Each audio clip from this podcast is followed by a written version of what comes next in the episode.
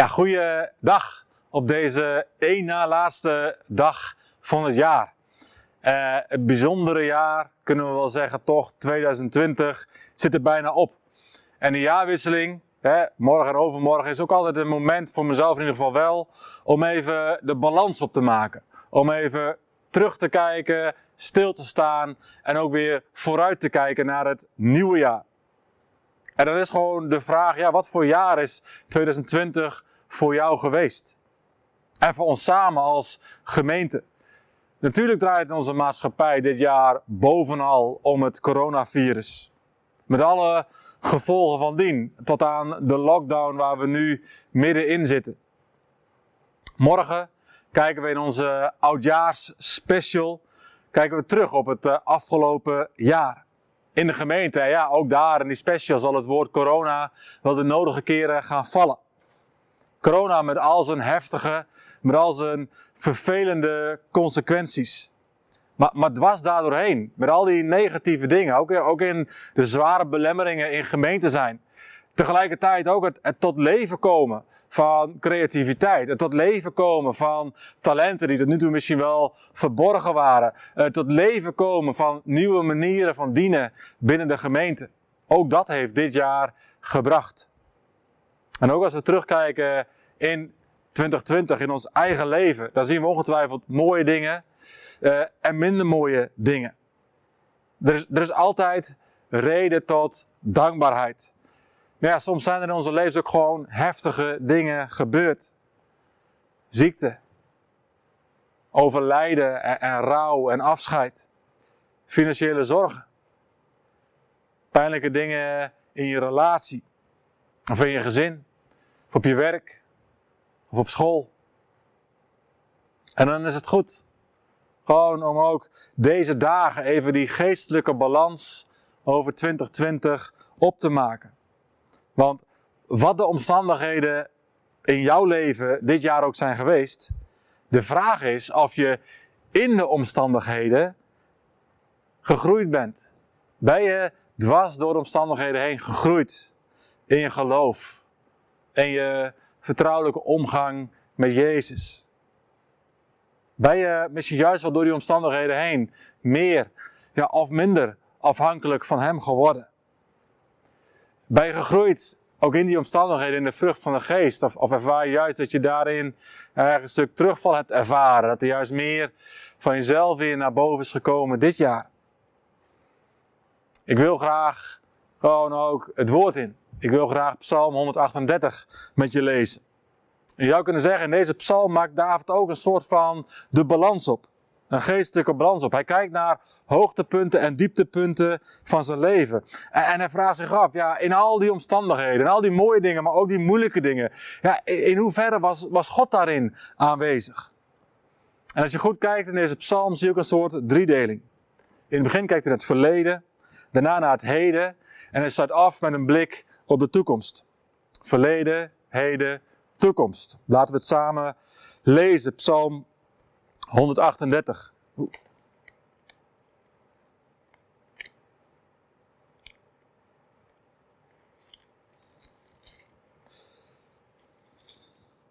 Van David. Ik wil u loven met heel mijn hart. Voor u zingen onder het oog van de goden. Mij buigen naar uw heilige tempel. Uw naam loven om uw liefde en trouw. Grote dingen hebt u beloofd. Tot eer van uw naam. Toen ik u aanriep, hebt u geantwoord, mij bemoedigd en gesterkt. Laat alle koningen op aarde u loven, Heer. Ze hebben de belofte uit uw mond gehoord. Laten zij de wegen van de Heer bezingen. Groot is de majesteit van de Heer. De Heer is hoog verheven. Naar de nederige ziet hij om. En de hoogmoedige doorziet hij van verre. Al is mijn weg vol gevaren, u, u houdt mij in leven. U verdedigt mij tegen de woede van mijn vijanden. Uw rechterhand brengt mij redding. De Heer zal mij altijd beschermen. Heer, uw trouw duurt eeuwig. Laat het werk van uw handen niet los. We beginnen met het verleden. Als David terugkijkt en de balans opmaakt van de tijd die, die eigenlijk achter hem ligt, dan vindt hij veel redenen om God te danken. Hij is dankbaar voor Gods liefde. Hij is dankbaar voor Gods trouw. En die liefde en trouw die zijn heel concreet. Hij zegt in vers 3, toen ik u aanriep, ja, toen hebt u geantwoord, mij bemoedigd en gesterkt. David, hij, hij herinnert zich nog als de dag van gisteren. Dat hij in zijn nood riep tot God. Toen zijn leven ook letterlijk op het spel stond. En niet zomaar bidden, ik bad niet tot God. Nee, ik, ik riep tot God. En roepen, dat veronderstelt nood. Dat veronderstelt grote zorgen. En als David terugkijkt in zijn leven, ja, dan is er ook heel veel aan de hand geweest. Dat kunnen we lezen in de Bijbel. Er is veel strijd geweest. Er is veel schaamte geweest. Veel schuld geweest. Veel zorgen geweest. En toch, dat alles, dat was nooit de kern voor David. Als David terugkijkt op zijn leven, ja, dan ziet hij in al die dingen die gebeurd zijn, ook al die moeilijke omstandigheden, hij ziet daar één rode draad lopen. En die rode draad, dat is voor hem de trouw van God. Gods trouw als rode draad door al zijn omstandigheden. Want ondanks alles, ook ondanks zijn eigen grote falen in zijn leven, had God hem niet verlaten. Maar juist op al die moeilijke momenten had God hem laten merken, laten zien dat hij er wel degelijk was. En dat vind ik, dat vind ik kostbaar om, om uit zijn leven naar boven ja, te voelen komen. Ook in zo'n psalm, in zo'n lied. En dat is voor mij ook altijd de vraag, ook als ik zelf terugkijk. En die vraag stel ik hiermee ook aan jou. Uh, maar, maar eerst maar aan mezelf. Waar heb ik God voor aangeroepen in 2020? Heb jij geroepen tot God? Niet alleen maar gebeden, niet alleen maar gefluisterd of gewoon gepraat, maar heb je ook geroepen. Vanuit de nood die jij misschien ook wel hebt gekend. En waarin heb jij Gods liefde, waarin heb jij Gods trouw ervaren het afgelopen jaar heel concreet?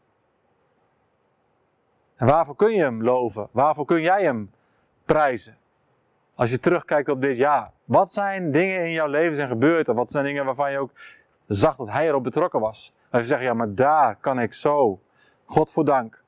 In de omstandigheden of los van de omstandigheden. Dat is het verleden. En daarna schakelt David door naar het heden. Vanaf vers 7 doet hij dat. Want niet alleen in het verleden heeft David veel dingen geleerd, maar ook in het heden is er een rode draad zichtbaar. vers 7 zegt hij, al is mijn weg vol gevaren, u, u houdt mij in leven. U verdedigt mij tegen de woede van mijn vijanden. Uw rechterhand ja, brengt mij redding. Dat vind ik gewoon mooi. Feit voor hem toen, feit voor ons nu, is dat ook Gods kinderen moeilijkheden niet per se bespaard blijven. Oh, ik ben christen, dus ik heb nooit lijden te verdragen. Nee, dat is niet de realiteit die in de Bijbel op ons afkomt. Want soms is het er zomaar. De strijd, de ziekte, de zorgen, de moeite. Maar als we ons verbinden met God, als we dag in dag uit leven met Hem, dan mogen we weten. En dan mogen we er ook steeds opnieuw op vertrouwen dat Hij ons in elke tijd en in elke strijd vasthoudt. Dat we wel degelijk geborgen zijn in de palm van Zijn hand. Dat is wat David uitleeft in al zijn strijd en zorgen en moeilijkheden. Dat is waar wij elke dag opnieuw in het heden uit mogen leven. Uit mogen handelen. Uit mogen bidden. Uit mogen vertrouwen. En tot slot ja, werpt David ook een blik op de toekomst. Aan het eind van de psalm. En wij kunnen ook een poging wagen. Ja, hoe zal het jaar wat voor ons ligt eruit zien? Zal corona nog een hele tijd de maatschappij beïnvloeden? Waarschijnlijk wel. Zal de, zal de polarisatie en, en de scherpe tegenstelling in onze maatschappij alleen maar weer sterker worden de komende maanden als er nog weer verkiezingen aankomen in maart? Waarschijnlijk wel. We gaan harder roepen. Zoals gemeenten geconfronteerd worden ook dit jaar met verdriet en verlies? Waarschijnlijk wel. 2021 zal wat dat betreft niet heel veel nieuws brengen. Ook in ons eigen leven. Er kan van alles gebeuren. En David wist dat. En wij weten het ook. En toch eindigt David zijn danklied met een beleidenis. Vers 8. Hij zegt, de Heer zal mij altijd beschermen. Heer, uw trouw duurt eeuwig. Laat het werk van uw handen niet los. En dat geeft moed. Dat geeft moed ook voor het nieuwe jaar 2021. Ook 2021 zal gekenmerkt worden door zijn trouw in onze levens. Ik, ik ben niet bang voor wat er komen gaat het komend jaar. En hopelijk ben jij ook niet bang voor het nieuwe jaar. Sterker nog, ik durf te zeggen dat ik uitzie naar het nieuwe jaar. Met een diep verlangen dat wij in 2021 de Heer daadwerkelijk nog weer beter zullen leren kennen. Dat ik de Heer beter zal leren kennen dan wat ik hem nu ken. Dat we nog vertrouwelijker met hem zullen omgaan. En natuurlijk verlang ik ernaar dat we in 2021 klaar zijn met deze camera's. En dat we elkaar in grote getalen weer zullen kunnen ontmoeten. Ik kan niet wachten. Maar we moeten nog wel even wachten. En ik geloof dat God daarin is. En ik geloof dat God daarbij is. En dat het hem niet uit de hand loopt, want ja, hij laat het werk van zijn handen nooit los. Dus ik wil je vast een gelukkig nieuwjaar toewensen. Maar dan wel vanuit Matthäus 5, vers 1. In de Bijbel in gewone taal, waar dat vers wat mij betreft uitmuntend is vertaald. Daar staat, het, het echte geluk, hè, de zaligspreking, zalig zijn zij, of uh, gelukkig zijn zij. Nee, het echte geluk, gelukkig nieuwjaar. Het echte geluk is voor die mensen die weten dat ze God nodig hebben. En ik geloof dat als je dat weet, en als je zo het nieuwe jaar ingaat, in het volle besef, ik heb de Heer nodig, elke dag van 2021, in alles, dan geloof ik dat het een goed jaar zal worden.